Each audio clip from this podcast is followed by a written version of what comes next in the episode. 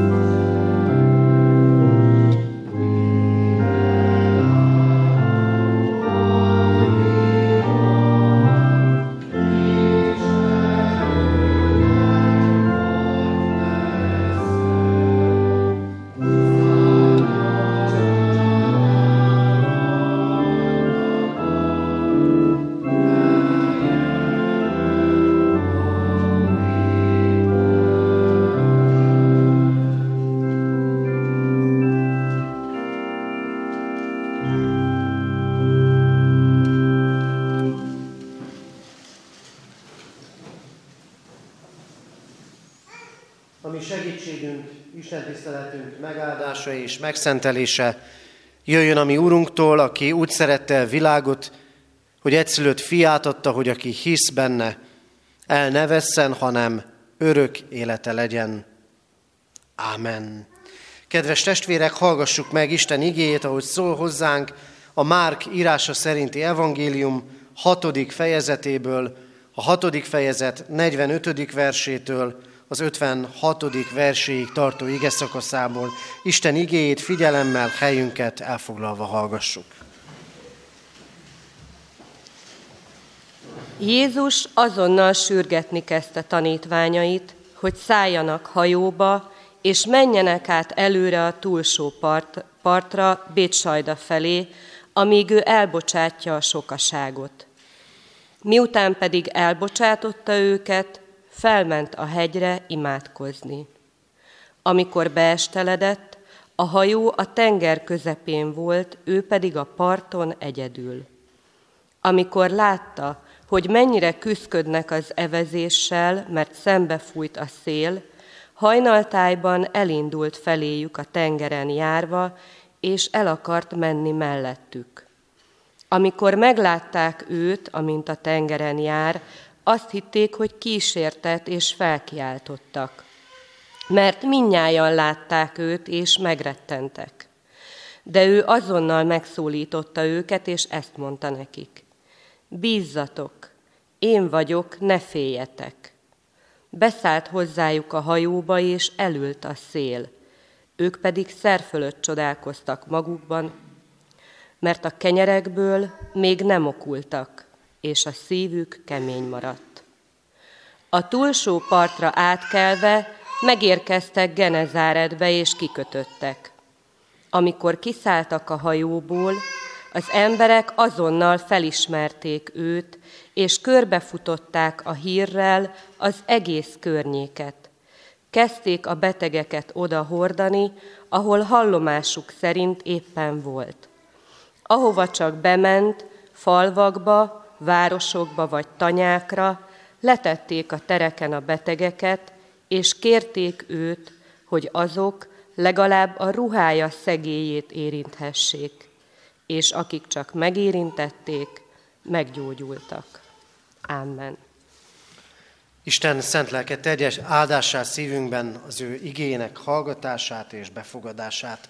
Hallgassuk meg most a Heidelbergi KT hitvallási iratunk mai napra rendelt kérdés feleletei közül a tizedik kérdést és feleletet. Ilyen engedetlenséget és elszakadást büntetlenül hagyja Isten? Semmiképpen nem. Sőt, felettébb haragszik, mind a velünk született bűnért, mind az elkövetett bűnökért, és azokat igazságos ítéletéből ideig való és örök büntetéssel akarja sújtani, amint maga mondotta, átkozott minden, aki meg nem marad mindazokban, amik megírattak a törvénykönyvben, hogy azokat cselekedje. Jöjjetek testvérek, fennállva imádkozzunk!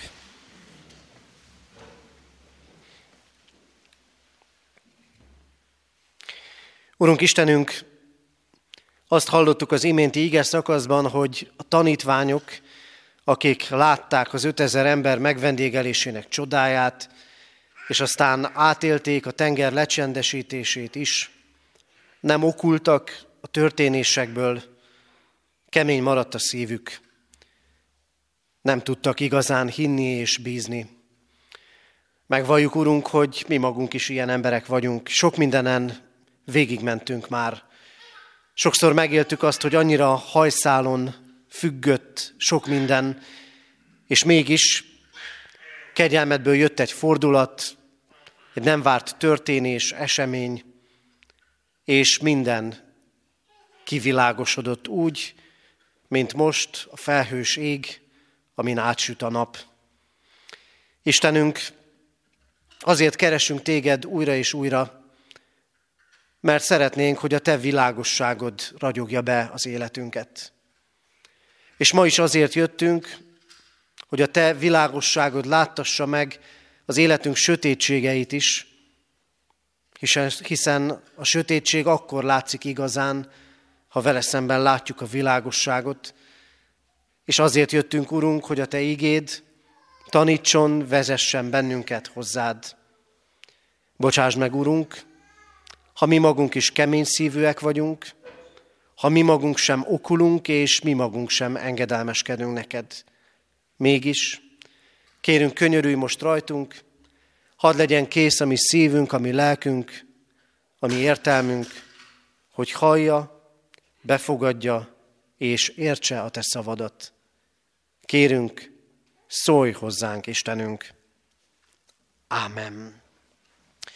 Készüljünk Isten igének hallgatására, a már énekelt 727. dicséret, régi énekeskönyv szerint 300. dicséret, harmadik versét énekeljük. Ez így kezdődik, csak te kell lesz én, Uram. Az ének alatt a gyermekeket várjuk szeretettel a gyermekisten tiszteletem. thank you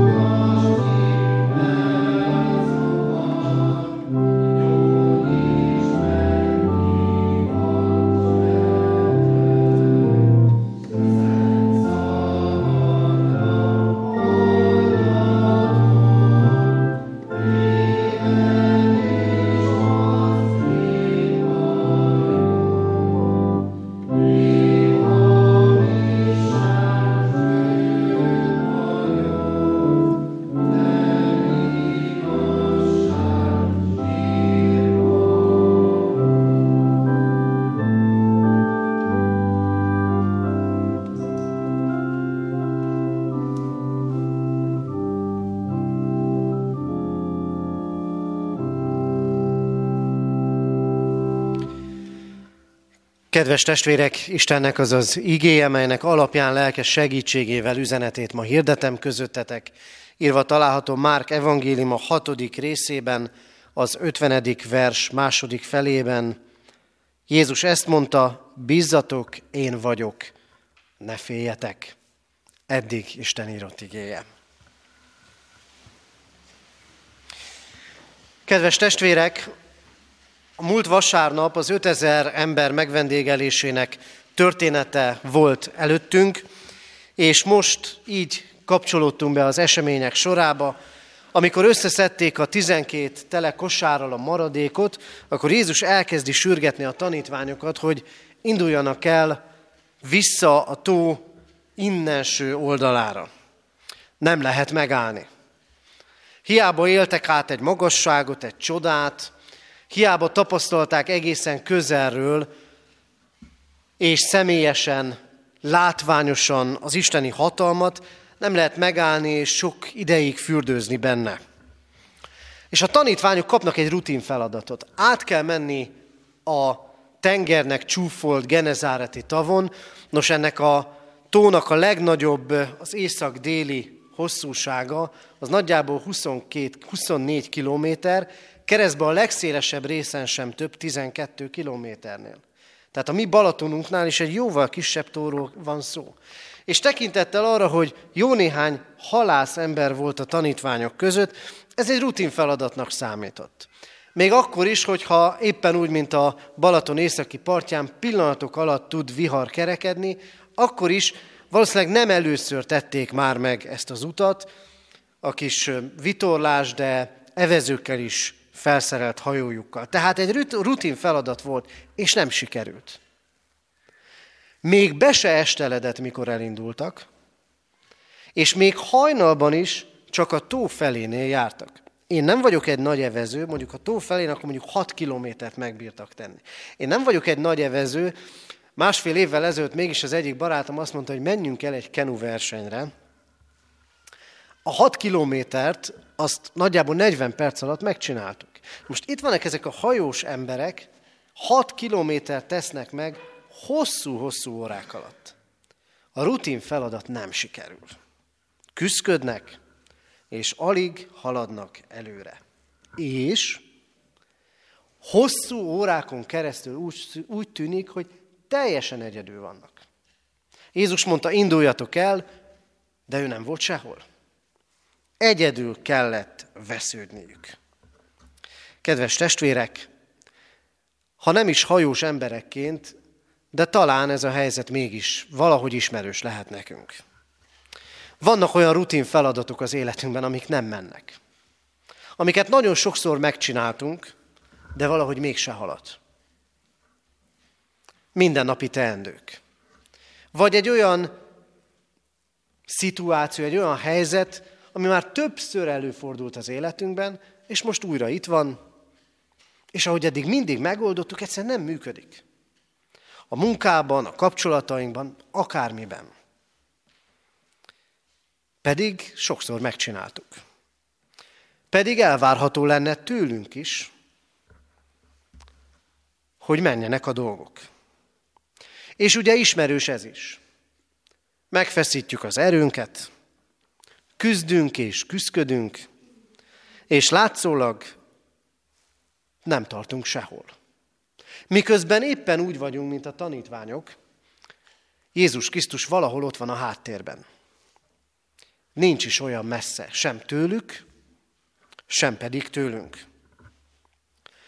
Ez a mai történet, kedves testvérek, azt üzeni nekünk, hogy Jézus Krisztus előrelép, és eljön hozzánk akkor, amikor mi küzdünk, amikor mi küzdködünk, amikor úgy tűnik, hogy nem haladunk előre egyről a kettőre. Miközben mi küzdünk. Miközben mi küzdünk, először is, ezt mutatja ez a történet, miközben mi küzdünk, Jézus Krisztus imádkozik. És ez nagyon fontos. Amikor elindította a tanítványokat, és elbocsátotta a sokasságot, nem indult rögtön a tanítványok után, hanem fölment a hegyre imádkozni. Az igéből tudjuk ezt, de a tanítványoknak fogalma nem volt arról, hogy Jézus mit csinál. Az Isten igéje mindig bepillantást enged abba számunkra, akik csak egyébként a láthatókra nézünk, bepillantást enged abba, hogy miközben mi küzdünk, miközben mi élünk, éljük a mindennapjainkat, mit tesz az Isten? A tanítványok csak küzdenek, Jézus pedig imádkozik.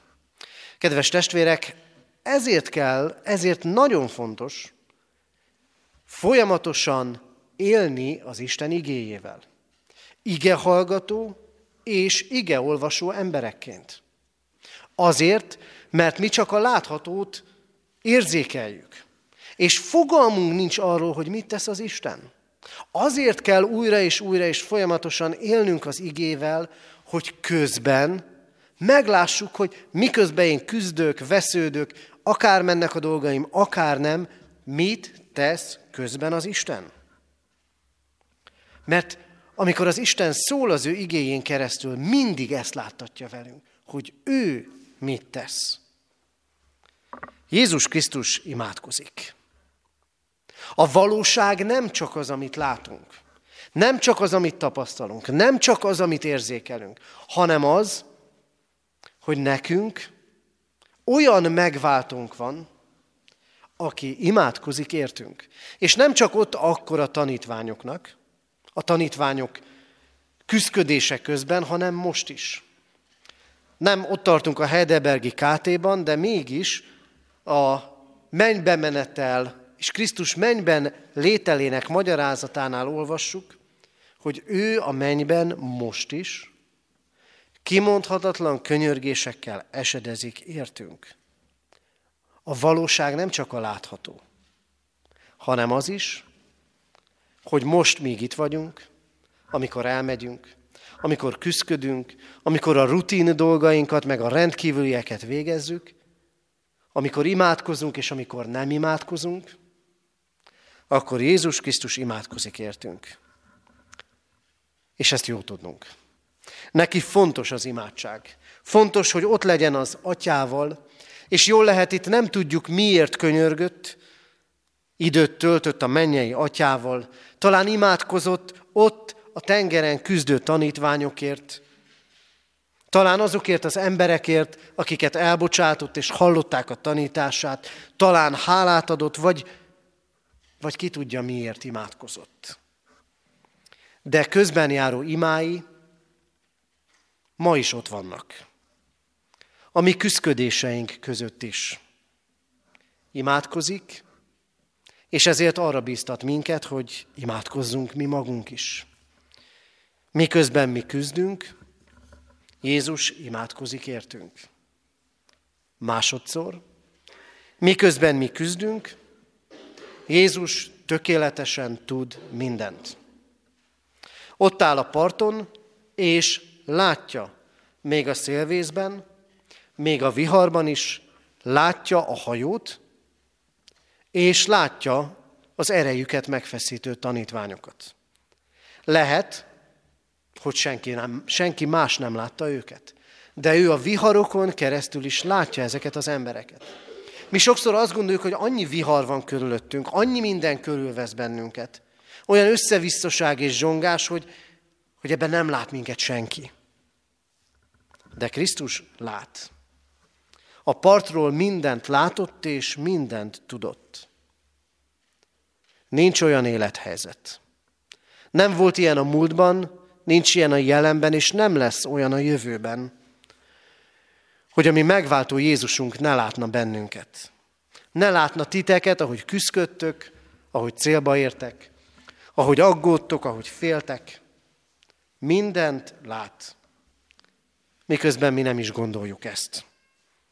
Miközben mi csak a saját vesződésünkkel vagyunk elfoglalva. Amikor mi küzdünk, és látszólag nem megyünk előre, akkor hajlamosak vagyunk azt gondolni, nem, hogy nem látja, nem is érdekli, hogy mi van velünk. Miközben Jézus a partról végig látja a tanítványokat. Végig tudja, mi történik velünk. Velük, és ma pedig velünk. És talán még azt is gondolják a tanítványok, amit mi is szoktunk gondolni. Mindjárt elveszünk. Az Isten késik. Már régen itt kellene lenni. Hosszú ideig vannak a vízen, de Jézus már látja őket. Van terve, és van útja, hogy hogyan érkezik meg hozzájuk. És így van ez velünk is. Lehet, hogy mi még küzdünk, még nem látjuk az érkező Istent, de az ő terve már kész, hogy hogyan segítsen, hogyan emeljen föl, hogyan áldjon meg, hogyan vessen véget a viharnak, és hogy vezessen minket egészen a célig. És látja a küzdelmeink okát is. Itt azt látjuk, nagy viharba kerültek. Nem rajtuk múlik, hogy nem jutottak el a célhoz. Ők mindent megtettek. De a körülmények mások. A szél szembe fúj. Korunk egyik nagy hazugsága az, hogy ha mindent megteszel, sikerülni fog. ha pedig nem sikerül, akkor az azért van, mert nem tettél meg mindent. Ez nem így van. A körülmények felett nincs hatalmunk. De ott van Jézus, akinek a körülmények felett is hatalma van. A viharban, a szélvészben, a hullámokban, a halában, a gyászban, a betegségben, az eredmény nélküli vesződtségekben. És végezetül. Miközben mi küzdünk, Jézus nem csak imádkozik, Nem csak tud mindent, hanem szól, és megérkezik hozzánk. A tanítványokhoz nem a várt úton érkezett meg. Nem is tudom, mit vártak. Valószínű arra számítottak, hogy talán talál egy kis hajót, és beleül, és elkezd utánuk kevezni. De hát nem érkezhet meg, egyedül van egy hajóba. Mi meg tizenketten nem bírunk vele. Vagy körbe megy, és majd ott fog várni a túlparton. Végül is ezt is megtehette volna. Mi is elképzeljük, hogy az Istennek hogyan kéne megérkezni hozzánk. Hogy itt és most hogyan kellene segítenie. Mit kellene tennie. Mit kellett volna már régen tennie. De nem így jön. Ő úgy érkezik a tanítványokhoz pillanatok alatt, hogy a tengeren jár. A hangsúly pedig ezen van. Megérkezik. Legyen ezen a hangsúly nekünk is. Megérkezik. Lehet, hogy nem úgy, ahogy várjuk, ahogy gondoljuk. Lehet, hogy nem úgy, ahogy egyébként sokszor eljött már hozzánk, de megérkezik. Bízzatok, itt vagyok, én vagyok. Ne féljetek.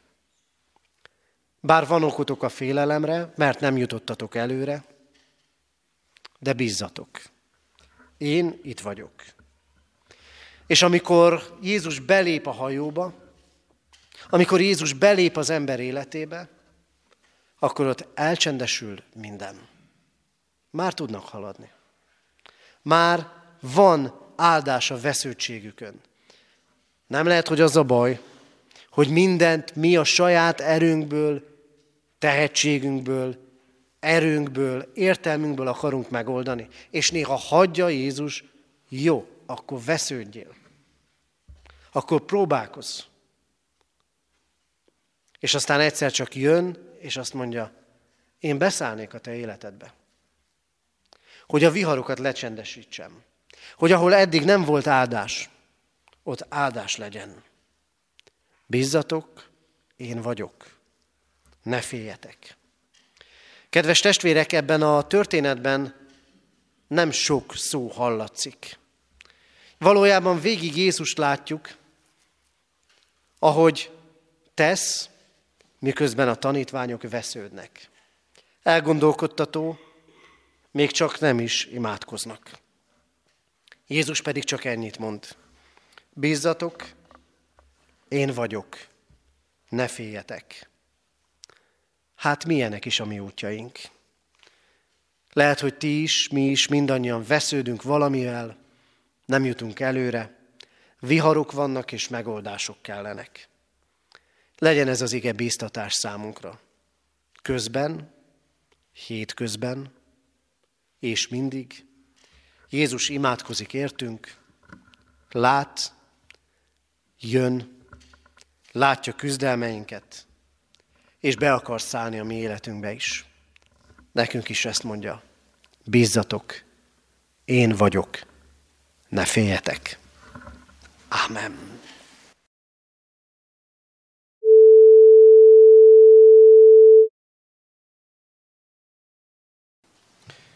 Kedves testvérek, így szerezte a mi Úrunk Jézus Krisztus az úrvacsora sákramentumát, így éltek vele az apostolok, a reformátorok, hitvalló őseink, és Isten kegyelméből így élhető most vele mi is.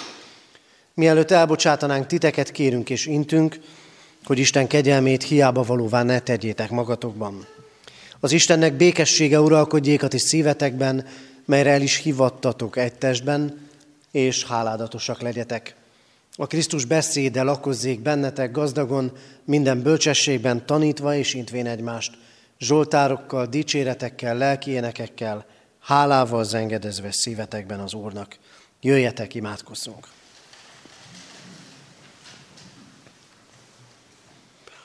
Urunk Istenünk, hálaadással borulunk le előtted, és dicsőítünk téged, jóságos, megbocsátó, kegyelmes szeretetedért, amivel körülveszel bennünket. Köszönjük az úrvacsora közösségét, amiben magadhoz hívtál, és vendégeid lehettünk. Addurunk, hogy hálából neked éljünk, szavaink, tetteink rád mutassanak, legyen a mi életünk hozzád méltó, Istenképű élet. Urunk, kérünk téged, hogy légy mellettünk a viharainkban. Érkezz meg, segíts fel, áld meg erőlködéseinket, küzdelmeinket, a mindennapokban épp úgy, mint a rendkívüli utakon. Urunk, hát, hogy soha ne csüggedjünk el, ha rátekintünk, és ha tudjunk mindig rátekinteni, hiszen Te azt mondod, bízzatok, én vagyok, ne féljetek. Urunk, így kérjük áldásodat az életünkre, a családunkra, a szeretünkre, a munkánkra, a fáradozásunkra. De így könyörgünk hozzád, Urunk, betegeinkért, akik kórházban vagy otthon vannak, a gyógyulás reményével. Könyörgünk különösen is egy testvérünkért, aki műtéten esett át az elmúlt napokban, Légy vele és légy az ő gyógyítója. Imádkozunk hozzád, Urunk, a gyászolókért, akik az elmúlt héten kellett, hogy megálljanak a ravata mellett, és akik az elmúlt héten veszítették el szerettüket. Kérünk, Urunk, hogy légy az ő vigasztalójuk és erősítéjük. Ad nekik, Urunk, a feltámadás hitét. Imádkozunk, Urunk, gyülekezetünkért, népünkért. Hálát adunk neked, Urunk, hogy Te tartasz bennünket hűséges szereteteddel. Kérünk, maradj velünk most és minden időben. Ámen. Ti azért így imádkozzatok. Mi, atyánk, aki a mennyekben vagy, szenteltessék meg a te neved, jöjjön el a te országod, legyen meg a te akaratod, amint a mennyben, úgy a földön is. Mindennapi kenyerünket add meg nékünk ma, és bocsásd meg védkeinket, miképpen mi is megbocsátunk az ellenünk védkezőknek. És ne vigy minket kísértésbe, de szabadíts meg a gonosztól, mert tiéd az ország, a hatalom és a dicsőség, mind örökké. Ámen.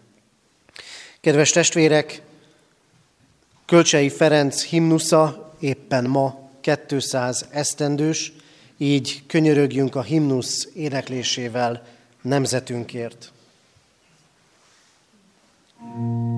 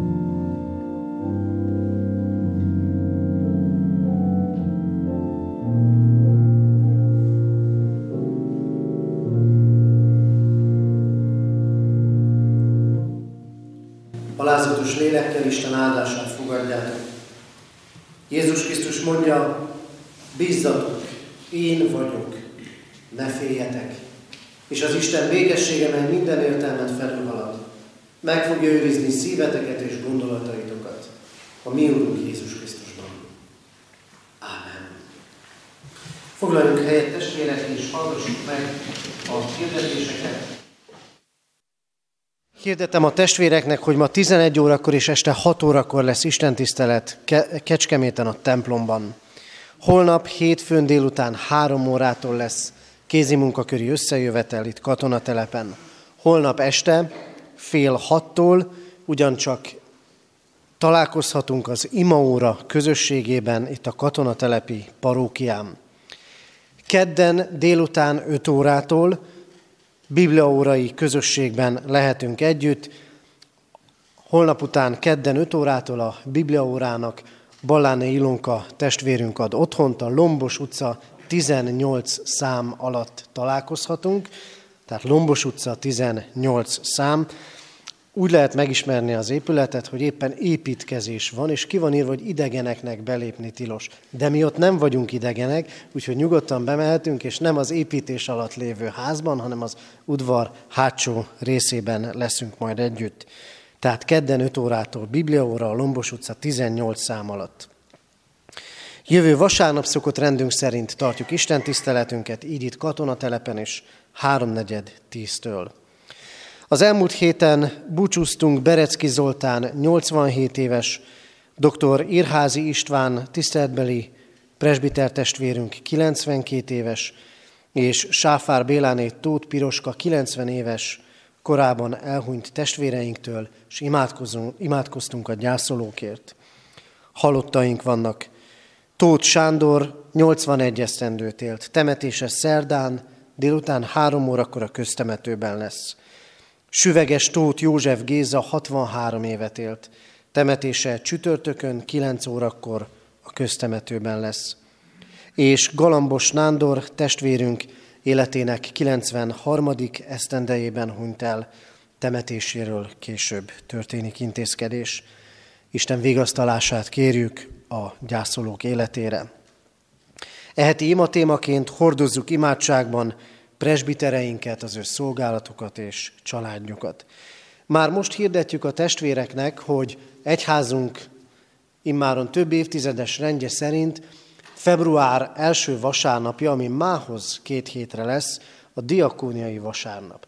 A diakónia nagyon fontos szolgálata egyházunknak, hiszen ez a mi kinyújtott kezünk az elesettek felé, és ezt a szolgálatot végezhetjük egyénileg, a hozzánk fordulók iránt, a gyülekezet közösségében, illetve végezhetjük intézményeinkben is az Isten dicsőségére és a másik ember javára. A diakóniai vasárnap alkalmából szeretettel várjuk a testvéreket február 4-én, szombaton, délután három órára a Budai utcai Sionházba, ahol Bárdos Péterné testvérünk fog beszámolni a Tanodán keresztül megvalósuló cigánymissziós szolgálatunkról, majd pedig utána szeretett vendégséggel lehetünk együtt, tehát február 4, szombat, délután 3 óra Budai utcai Sionházban, illetve másnap, február 5-én a 9 órakor kezdődő istentiszteleten is a diakóniai vasárnap jegyében lehetünk majd együtt. Ennek jegyében továbbra is hirdetem a tartós élelmiszergyűjtést a rászorulók javára. Az Úr legyen a mi gyülekezetünk őrizőpásztora. És az elmúlt héten adott hálát Szabó Gábor, nyugalmazott lelkipásztor, testvérünk, Esperes úr, 83 mögötte lévő esztendőért így énekeljük most el a 134. Zsoltár harmadik versét fennállva, megáldjon téged az Isten.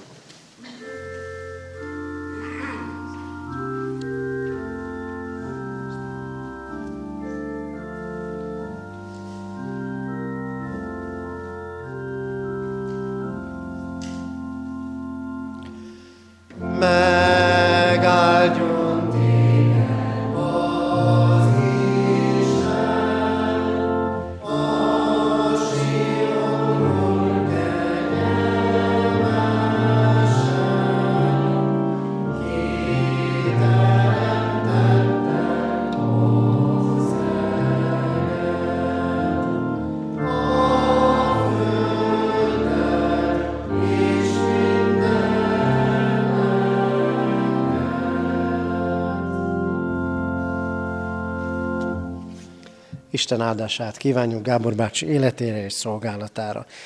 Helyünket elfoglalva záró énekünket énekeljük, a 727. dicséret, a régi énekeskönyv 300. dicsérete, ennek az éneknek utolsó, negyedik versét énekeljük, 727. dicséret, negyedik verse, kegyelem vagy égi jó.